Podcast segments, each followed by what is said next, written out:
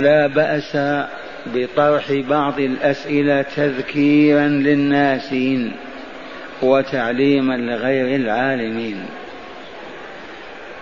عرفتم زادكم الله علما ومعرفة أن الفاتحة سميت الفاتحة لما؟ لأنها فاتحة كتاب الله. وعرفتم أن آيها كم؟ سبع آيات. وعرفتم الخلاف في هل بسم الله الرحمن الرحيم آية منها أو ليست آية منها. وأن الخلاف شديد. ونحن نخرج منه بإذن الله. بأن لا نتمذهب فنتعصب لمذهبنا. فنقول نحن أحناف. لا نقول بمشروعيتها أو لا نقول نحن شوافع يجب أن نقرأها. نحن نسلك مسلك الصحابة والتابعين. قضية اجتهادية. فنقول نحن نقرأ بسم الله الرحمن الرحيم كلما قرأنا الفاتحة. فإن جهرنا بالقراءة كصلاة المغرب والعشاء والصبح وكنا أئمة نصلي بالمؤمنين نسرها ولا نجهر بها ولكن نقولها بسم الله الرحمن الرحيم. فنوافق ما صح عن أبي القاسم صلى الله عليه وسلم وصاحبيه الشيخان أبو بكر وعمر إذ قال أنس بن مالك رضي الله عنه صليت وراء رسول الله صلى الله عليه وسلم ووراء أبي بكر ووراء عمر فكانوا يفتتحون الصلاة بالحمد لله رب العالمين. اذا ونبسمل سرا لما ثبت أيضا أن النبي صلى الله عليه وسلم قرأ يوما وجهر بالبسملة وسمعوها. ثم بهذا المسلك السليم لا توجد فرقة بيننا. لقد اشتدت الفرقة في بعض الظروف حتى إن فلانا لا يصلي وراء فلان. لأنه يخالف مذهبه.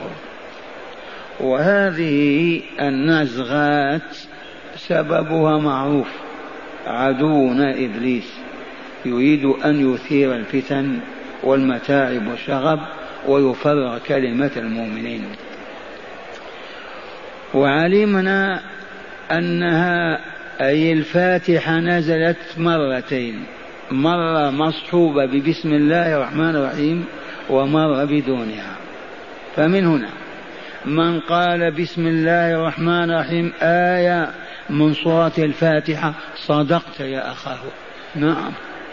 ومن قال لا افتتحت بها فقط كسائر الصور وليست بآية ولكن مشروع الافتتاح بها قلنا نعم لأنها نزلت أيضا بدونها.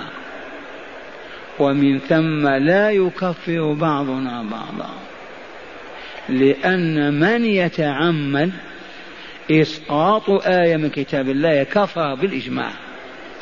كما أن من يتعمد زيادة كلمة واحدة في كتاب الله كفر بالإجماع. فللخروج من هذا المضيق نقول بنزول الفاتحة مرتين. وقد ثبت مرة نزلت مصحوبة ببسم الله الرحمن الرحيم ومر بدونها فأصبحنا إخوانا على سور العلم والمعرفة متقابلون. لا حقد ولا حسد ولا عجب ولا كبر إخوة. وعرفنا زادكم الله معرفة إذا قلنا بسم الله الرحمن الرحيم آية فأين الآيات السبع الست الباقية؟ فعددنا. اسمعوا. بسم الله الرحمن الرحيم. آية أولى وإلا لا. الحمد لله رب العالمين. الآية الثانية. الرحمن الرحيم الآية الثالثة. مالك يوم الدين الآية الرابعة. إياك نعبد وإياك نستعين الآية الخامسة. اهدنا الصراط المستقيم السادسة. لا. اهدنا الصراط المستقيم صراط الذين أنعمت عليهم غير المغضوب عليهم ولا الضالين السابعة. لأن البسملة عددناها آية. شككتم نعيد بسم الله الرحمن الرحيم. ذي أولى. الحمد لله رب العالمين. ثانية. الرحمن الرحيم. ثالثة. مالك يوم الدين رابعة إياك نعبد وإياك نستعين. خامسة اهدنا الصراط المستقيم. سادسة السابعة صراط الذين أنعمت عليهم غير المغضوب عليهم ولا الضالين. سبعة هيا نسقط. بسم الله الرحمن الرحيم. لا نعدها آية. فنقول الحمد لله رب العالمين. أولى الرحمن الرحيم. ثانية مالك يوم الدين. ثالثة إياك نعبد وإياك نستعين. رابعة اهدنا الصراط المستقيم. خامسة صراط الذين أنعمت عليهم. سادسة غير المغضوب عليهم ولا الضالين. سابعة. في هذا العلم بركة وإلا لا؟ ما تفرحون. ذكرت لكم البارحة واو فقط. استفدناه فرحنا أمسية كاملة. واو. زيدت. فكيف ما نفرح بهذا العلم؟ والله تعالى يقول قل لهم قل بفضل الله وبرحمته فبذلك فليفرحوا هو خير مما يجمعون. كون نفرح بالدينار والدرهم أو بالولد والزوجة أو بالدار والبستان فرح هذا له قيمة. قل بفضل الله وبرحمته فبذلك فليفرحوا. والعلم فضل الله ورحمته. إذا والآن مع البسملة مع الاستعاذة والبسملة. الاستعاذة والبسملة. ما المراد من الاستعاذة؟ أي قولنا أعوذ بالله من الشيطان الرجيم. استعذ بالله يا فلان من الشيطان الرجيم. أي قل أعوذ بالله من الشيطان الرجيم. فلان استعاذ بالله من الشيطان الرجيم. كيف فعل؟ قولوا. قال أعوذ بالله من الشيطان الرجيم. ومثل الاستعاذة البسملة. ما معنى بسمل؟ بسملة. قال بسم الله الرحمن الرحيم. ما معنى حوقل قال لا حول ولا قوة إلا بالله. ما معنى استرجع؟ قال إنا لله وإنا إليه راجعون. ما معنى؟ هلل. قال لا إله إلا الله. ما معنى كبر؟ قال الله أكبر. هذه اختزالات. معروفة عن العرب وموجودة قبل القرآن والإسلام. يحذفون بعض الحروف ويربطون الكلمتين ببعضها البعض. كعبد شمس. إذا فنقول البسملة قولنا بسم الله الرحمن الرحيم. ما حكم الاستعاذة؟ والله يقول وقوله الحق. فإذا قرأت القرآن فاستعذ بالله من الشيطان الرجيم. خطاب موجه إلى الحبيب صلى الله عليه وسلم إلى إمامنا وقائدنا وأسوتنا ومرشدنا وهادينا ونبينا ورسولنا قل ما شئت ونحن إن صدقنا. في أتباعه. أتباعه فما يطالب به ويرشد إليه ويؤمر به نحن معه. إلا ما دل الدليل على الخصوصية فيه فقط. ونادر هذا.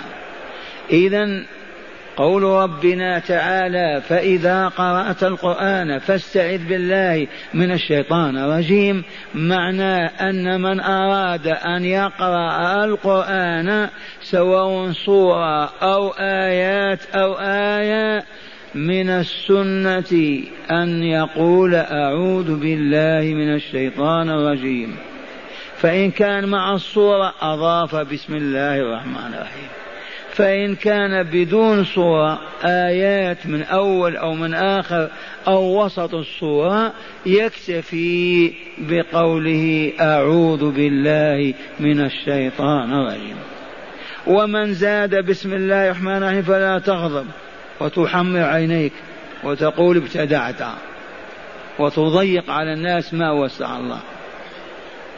الطريقة المسلوكة التي مشى عليها أكثر المؤمنين والمؤمنات إن بدأت بالصورة قل أعوذ بالله من الشيطان الرجيم بسم الله الرحمن الرحيم ياسين.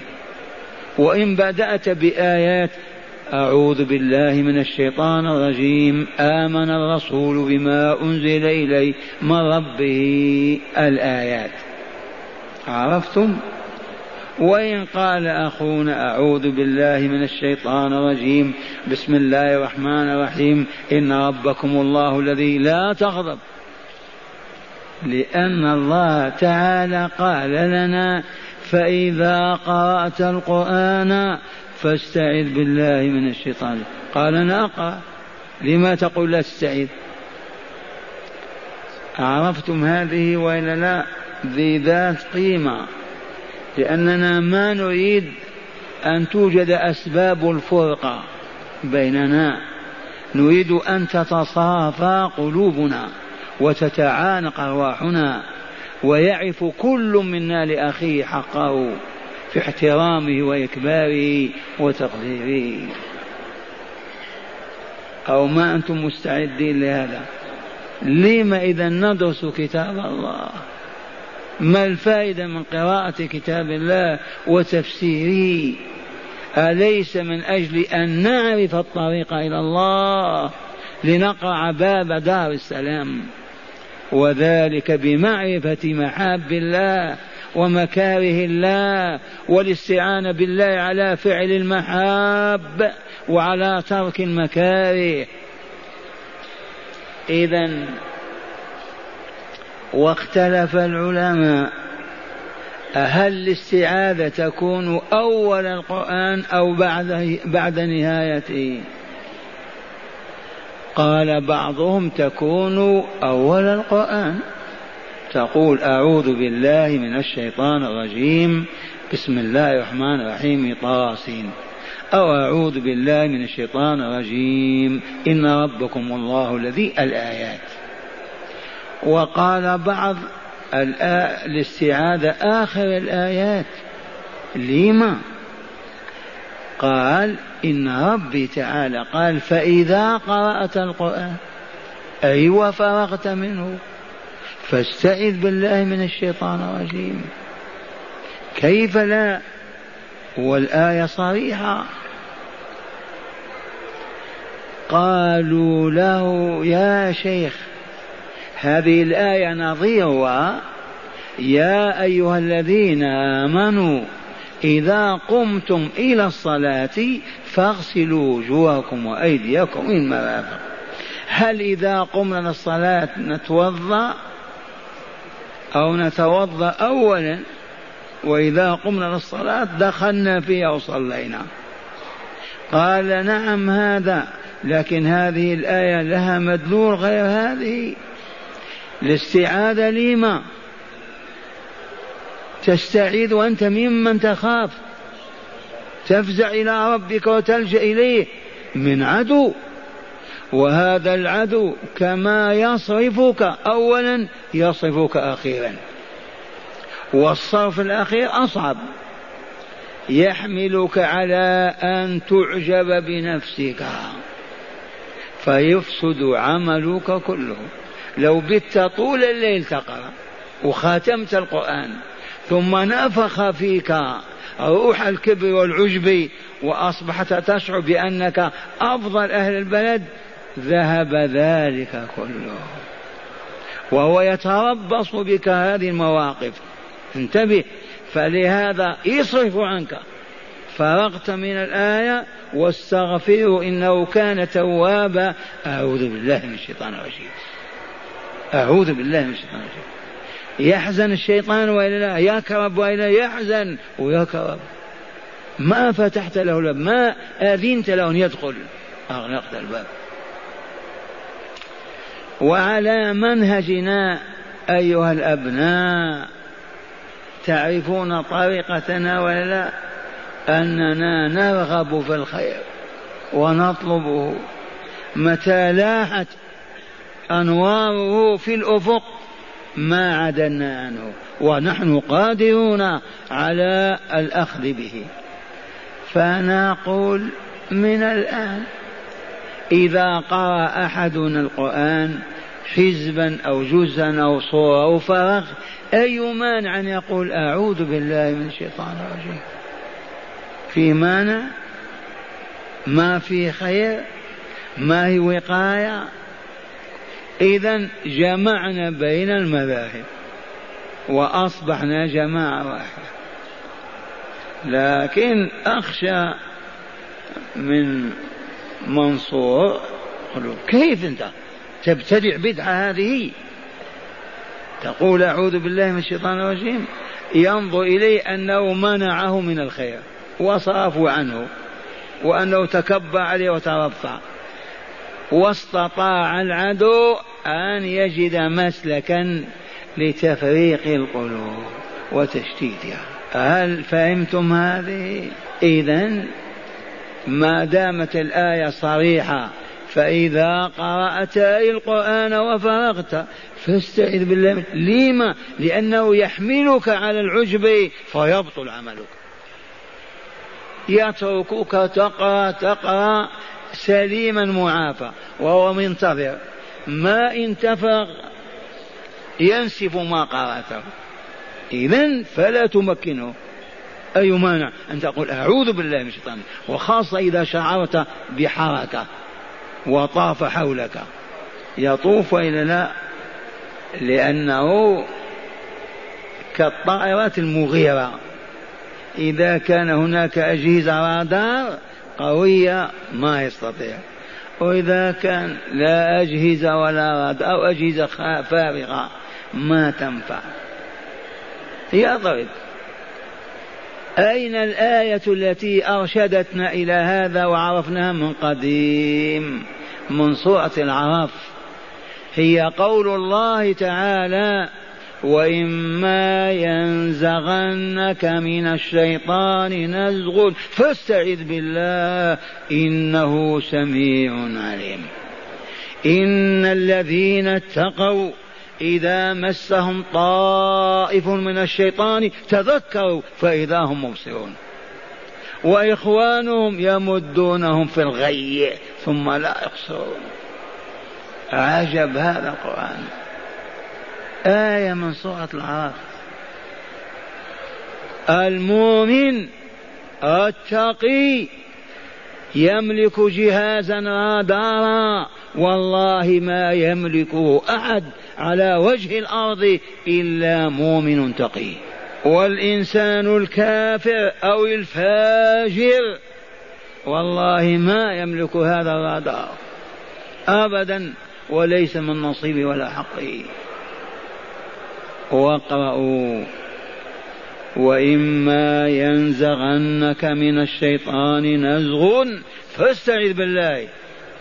إنه السميع العليم. إن الذين اتقوا. اتقوا من؟ ربهم. إذا مسهم طيف من الشيطان. تعرف الطائف والطيف كيف يدور وإلا لا؟ حول الحمى. تذكروا فإذا هم مبصرون. أعوذ بالله من الشيطان الرجيم. يا حل وإخوان الشياطين يمدونهم في الغي يغمس وجوههم وأنوفهم في العاذرة أي عاذرة يا شيخ؟ تدري ما هي؟ والله إن زانية أو لقمة ربا أو شتمة مؤمن أو أخذ ريال باطل. أفظع وأكثر خبث من أن تغمس وجهك في العاذرة هذا يغسل ويزول. وإخوانهم يمدونهم في الغي ثم لا يقصرون. ما يقصروا بعد. وآية النور النوراني الرادار الرباني من سورة الأنفال. يا أيها الذين آمنوا إن تتقوا الله يجعل لكم فرقانا. يا أيها الذين آمنوا إن تتقوا الله يجعل لكم. هذا جزاء وإلا لا؟ هذا جواب الشرط. إن تتقوا الله يجعل لكم ماذا؟ فرقانا ما الفرقان هذا؟ نور تفرق به بين الحق والباطل والخير والشر والصحيح والفاسد والنافع والضار والإيمان والكفر والتوحيد والشرك وما إلى ذلك. عرفتم هذا النور؟ هذا هو الفرقان. نصيب من هذا؟ أهل التقوى. نصيب من؟ أهل التقوى. لما من يجيبني وله جائزة؟ أجاب أبو صالح. قال لأن المتقين تجنبوا ما من شأنه أن يفسد القلوب والأرواح. تباتم لأن ترك الواجبات وهي معصية الله ورسول فيما أمر به من شأن هذه المعصية أن توجد مادة خبيثة منتنة عفنة تسمى السيئات. كما أن غشيان الذنوب بفعل المحرمات واعتقادها وقولها تجلب أيضا تلك المادة العافنة المنتنة فتسود النفس وتخبث وحينئذ كيف يفرق بين الحق والباطل والخير والشر والنافع والضار وهو كالأعمى لا نور له؟ يا أيها الذين آمنوا إن تتقوا الله يعطيكم ماذا؟ يجعل لكم نورا. هذا النور هو الفرقان. هذا الفرقان وسمي فرقان أعظم من فارق كثير الفرق. فمن هنا عرفنا أن من يتقي الله في شيء يعطى الفرقان فيه. ما معنى هذا؟ راعي غنم. اتقى الله تعالى في غنمه. يرعى بها أماكن العشب والكلى. ينتجع لها العشب الملائم. يرعاها من الذئاب أن تأكلها. محافظ عليها. يعطى فرقانا يصبح أحسن راعي غنم ويرغب الناس في إعطائهم أغنامهم له. صاحب دكان بقالة يبيع البقول. يتقي الله تعالى في دكانه فيما يدخل وفيما يخرج فيما يبيع وفيما يشتري. يراقب الله فلا تزل له قدم ولا يخرج عن طاعة الله في شيء. لا يزال كذلك حتى يعطى الفرقان فيصبح أحسن بقال في المدينة. يعطى النور. أتنزل معكم؟ مؤمنة تريد أن تطبخ الشاي الأخضر الذي يليق بالشرب والراغبين فيه. تتقي الله عز وجل. في ذلك وتراقب الله. تريد أن يكون هذا الشاي نافعا محبوبا ينفع الله به الشاربين ويكون كرامة لهم. ترغب في ذلك فتأخذ تزن المقادير وتقدرها الماء والشاي والسكر والنعناع المغربي حتى تصبح ماذا؟ ذات فرقان. تحسن طبخ الشاي إذا فكيف بالجنرالات وقادة الحروب ورجالات السياسة والاقتصاد إذا لم يكن لهم هذا الفرقان أن لهم أن يفوزوا أو ينجحوا أو ينجحوا غيرهم؟ ومن أراد الدليل ساسة العروب والإسلام هابطون إلى الحضيض. أين نتائج التقوى؟ وهل هم متقون؟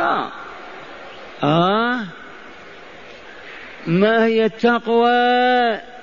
خوف من الله يملأ قلبك فيحملك على طاعة الله. ولو طلب منك بذل نفسك بذلتها طلب الرضا. ومن هنا اختلت موازين الحياة عند المسلمين لعدم وجود أهل الفرقان ومن وجد في بلد وهو ذو فرقان والله تتجلى آثار ذلك في بلده. إذا عرفنا الاستعاذة والبسملة هي بسم الله الرحمن الرحيم. وعرفنا حكم البسملة بالأمس. هل بسم الله الرحمن الرحيم آية في كل صورة هذا سبق أن تركناه الجواب الذي عليه جمهور المؤمنين أن البسملة بعض آية قطعا في سورة النمل. فقط. بالإجماع. لأنها جزء آية من سورة النمل. وهي في قول الله تعالى في كتاب سليمان عليه السلام إلى الملكة بلقيس. إذ الكتاب هكذا إنه من سليمان وإنه بسم الله الرحمن الرحيم ألا تعلوا علي وأتوني مسلمين. برقية هذه. وإلا لا؟ عجب. برقية أدت العجب. إنه من سليمان. لما ما قدم بسم الله الرحمن الرحيم؟ قال هذه رسالة إلى كافرة. ممكن إذا سمعت بالله توهين اسم الله عز وجل. نجعل اسمي وقاية. إنه من سليمان. وإنه بسم الله الرحمن مضمونه ألا تعلوا علي وأتوني مسلمين ما قال وأتوني خاضعين أذلا منكسرين. ما يريد إذلال ولا إخضاع البشر إلا لله وأتوني مسلمين القلوب والوجوه لله. ورسائل النبي صلى الله عليه وسلم إلى الملوك والرؤساء. نصها بسم الله الرحمن الرحيم. من محمد عبد الله ورسوله إلى هرقل عظيم الروم. ما خاف أن يهان اسم الله كما خاف سليمان. فلهذا قدم بسم الله الرحمن الرحيم وهذه الآن سنتنا. اسمعوا كل أمر ذي بال لا يبدأ فيه ببسم الله فهو أبتر. ناقص تعرفون الأبتر؟ مقطوع الذنب. كالكبش الأبتر. إذا معاشر المؤمنين والمؤمنات من الليلة نستفتح أعمالنا ببسم الله. الآكل بسم الله. الشاب بسم الله. الكاتب بسم الله. الخطيب بسم الله. كل شؤوننا نفتتحها ببسم الله. متبركين بذلك مستمدين القوة والقدرة على العمل وإنجازه بذلك بحسب الحال. إذا بسم الله الرحمن الرحيم. بعض آية من سورة النمل. وآية من سورة الفاتحة على ما علمتم. إذ نزلت بها مرة وما دون ذلك مفتتحة بسم الله وإذنه لرسوله والرسول هو الذي يأمر أصحابه أن يجعلوها في بداية كل صورة كالمفتاح لها. وهنا القراء منهم من يقرأ ولا يفصل بين الصورتين بسم الله الرحمن الرحيم. نقول شأنهم سواء كان ابن كثير وإلا أبو عمر شأنهم ثباتم فنحن ما ألزمنا لأننا ما قلنا آية في أول كل سورة. فإذا أرادوا اختصار الوقت والرغبة في الصورة ما بسملوا قرأوا مثلا بسم الله الرحمن الرحيم إنا أعطيناك الكوثر فصل لربك وانحر إن شانئك هو الأبتر. قل يا أيها الكافرون شانهم. بعض القراء يفصل وبعضهم لا يفصل. وهم أمن على هذا ونحن لا نلوم الفاصل ولا نليم الواصل. وإلا لا لكننا نحن نصل ونفصل نحن نصل ولا نفصل. كيف؟ نقرأ الصورة ونصل بالأخرى؟ الجواب لا. نحن نفصل هنا ولا نصل. نصل المعروف وأهله لكن هنا في هذه القضية إذا قرأنا انتهت الصورة نفتتح الأخرى بسم الله الرحمن الرحيم. ومن وصل هنا لا شأن أبدا عليه ولا نلتفت إلى أنه فصل أو وصل. إذا الآن مع قول ربنا الحمد لله رب العالمين. الحمد لله رب العالمين. هذه آية وإلا لا؟ آية. الحمد لله رب العالمين. قرئ الحمد لله رب العالمين. قراءة لكن ليست مشهورة ولا مقروءة.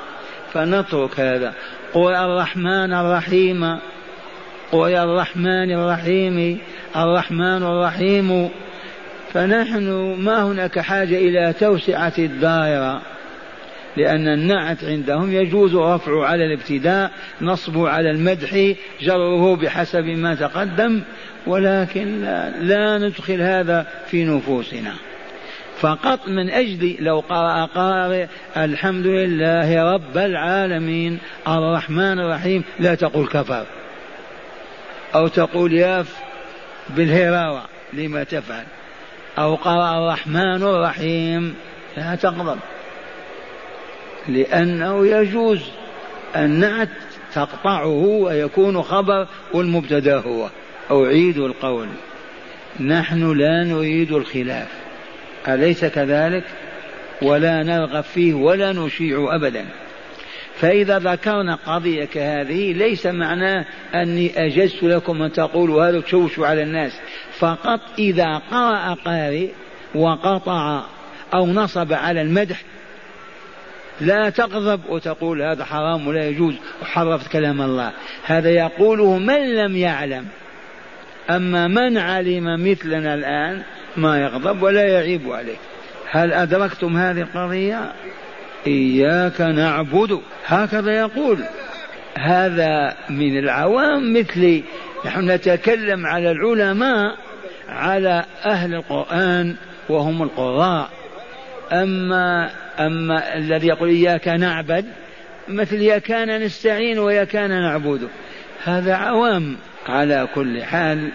نحن كما اتفقنا إذا جاءت مسألة في طلبة العلم لأنهم المسؤولون من جهة وهم الذين عليهم أن يحافظوا على وحدة المؤمنين ووحدة قلوبهم. فإذا عرفوا أسباب الخلاف استطاعوا أن يخرجوا منه وإلا لا؟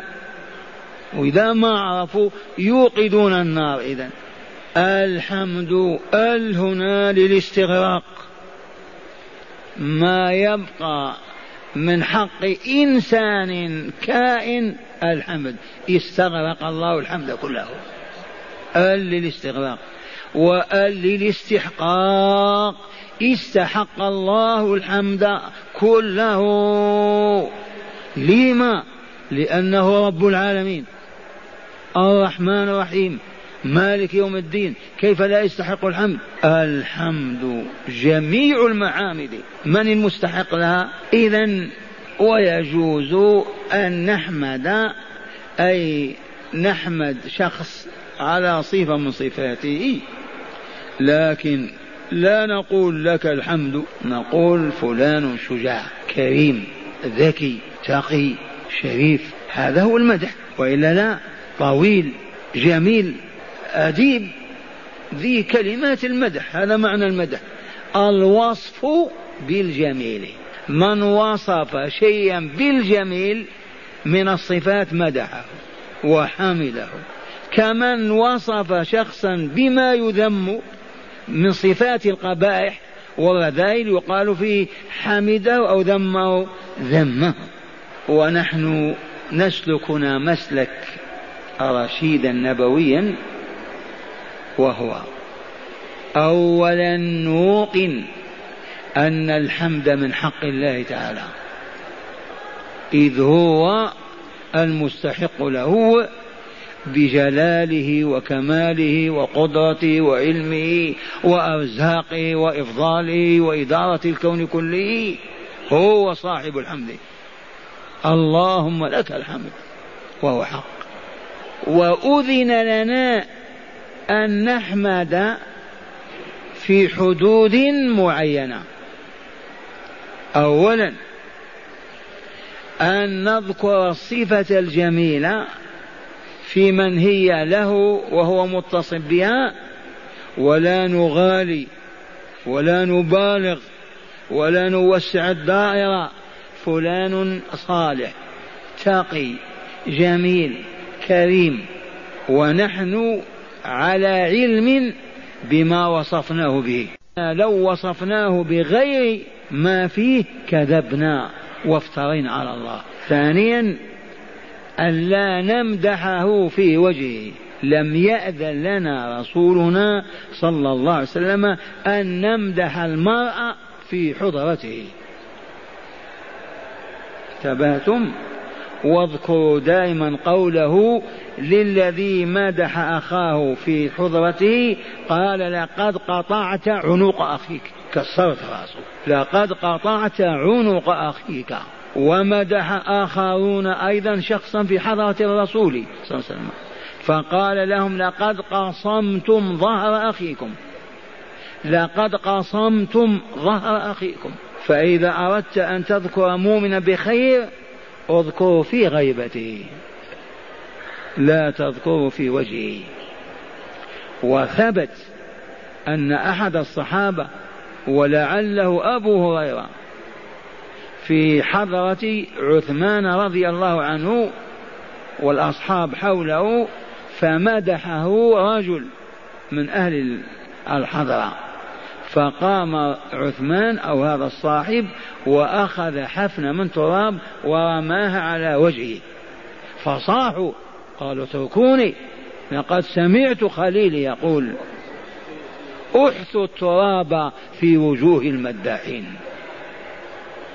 احثوا التراب في وجوه المداحين. وما هو السر في عدم المدح في الوجه؟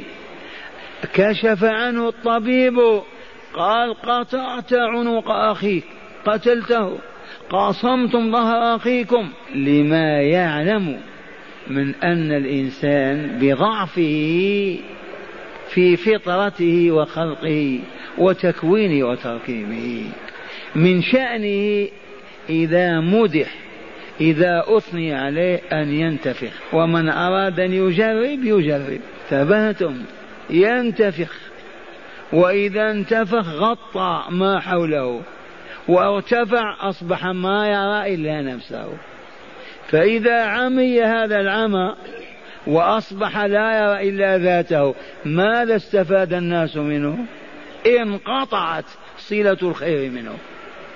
وعندنا أمثلة المدير مدير المدرسة الابتدائية والأساتذة يمدحون فلان الطالب ذكي حافظة كذا سمعناهم عشنا معهم. ذاك الممدوح ياخذ في الانتفاش. تبهتم وفي الزهد لأنه ممدوح. كان يحفظ أصبح ما يحفظ. كان يعد الدرس أصبح ما يعده. من قتله الذين مدحوه في وجهه. انغر تعرفون الانغراء وإلا لا؟ انغر وعندنا أيضا مدح الغافلون والهابطون والجاهلون في ديارنا. هذه لا إلى الآن بدأوا فقط. في ديارنا الأخرى. مدحوا المرأة. المرأة. المرأة. نصف الرجل. العامل الأول. كذا كذا. فانتفخت عليهم الماء وانتفشت وطاعت.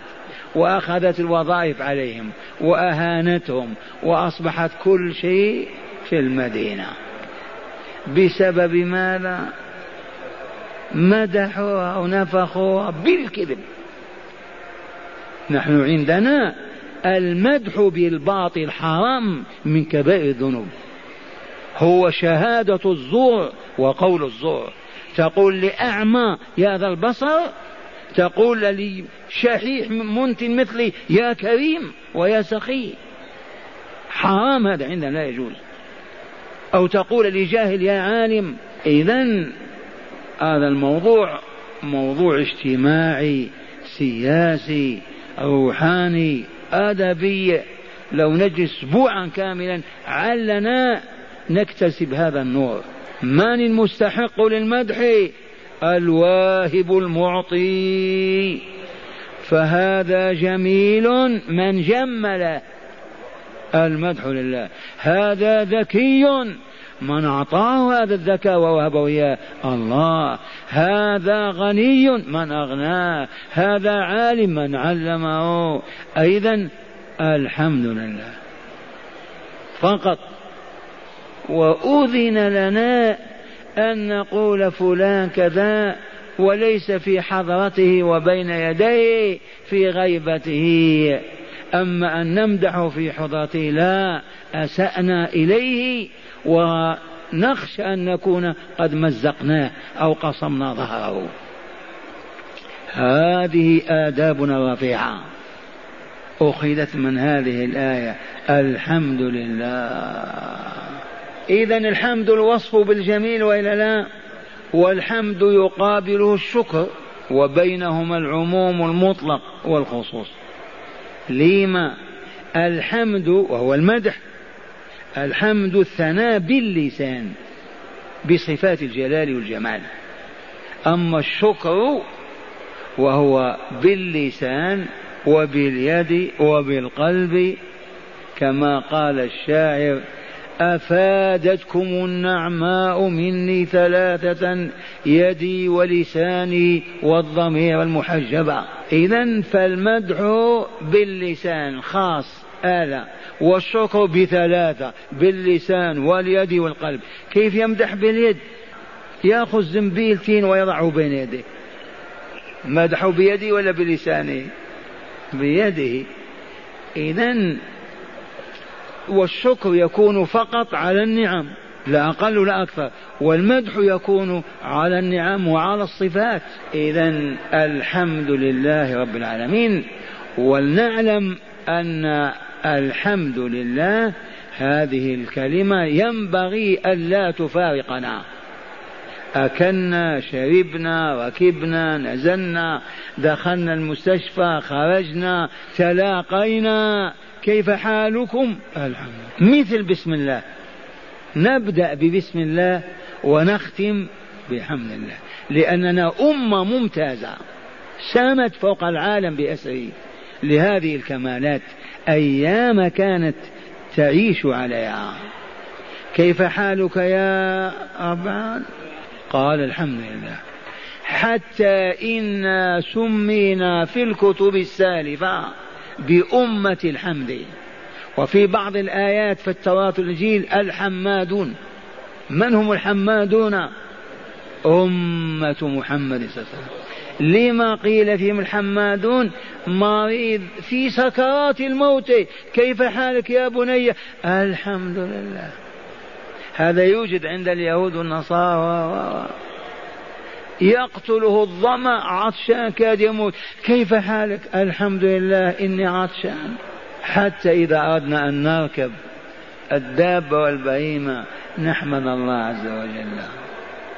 إذا وإذا حمدنا الله لا بد وأن تتجلى لنا آلاؤه وإنعامه علينا ليكون حمدنا على علم. الحمد لله. ومما يدل على أن لا بد لمن يحمد أن يكون له ما يستحق به الحمد. أرشدنا إلى هذا ربنا. فقال الحمد لله لما؟ ما مقتضي الحمد؟ ما موجبه؟ رب العالمين. مالك الكون كله ومدبره والحاكم فيه. ما يحمد؟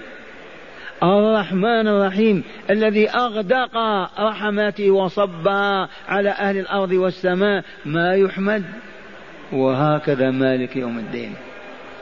فعرفنا أننا لا نحمد إلا من يستحق الحمد. فإن حمدنا من لا يستحق كذبنا وقلنا الزور وشهدنا به وأثمنا. ثانيا لا نبالغ لا نغالي لا نكثر. واذكروا قول حبيبكم صلى الله عليه وسلم عندما قال لا تطروني كما أطرت النصارى عيسى ابن مريم وإنما أنا عبد الله ورسوله فقولوا عبد الله ورسوله. ما تقول مولانا محمد؟ أبدا. أنا عبد الله قولوا عبد الله ورسوله. هكذا طالبهم. أما أن ننفخ فيما لا ينبغي حتى قال القائل لولاك ما كان كذا وكذا. المهم معاشر المستمعين والمستمعات نحمد الله على كل حال. والحمد رأس الشكر. وأن العبد إذا أنعم الله عليه بنعمة مهما كانت في عظمها وعلو شأنها وكثرة منافعها فقال الحمد لله على تلك النعمة. والله إلا كان قول الحمد لله أفضل من تلك النعمة بهذا أخبر رسول الله صلى الله عليه وسلم.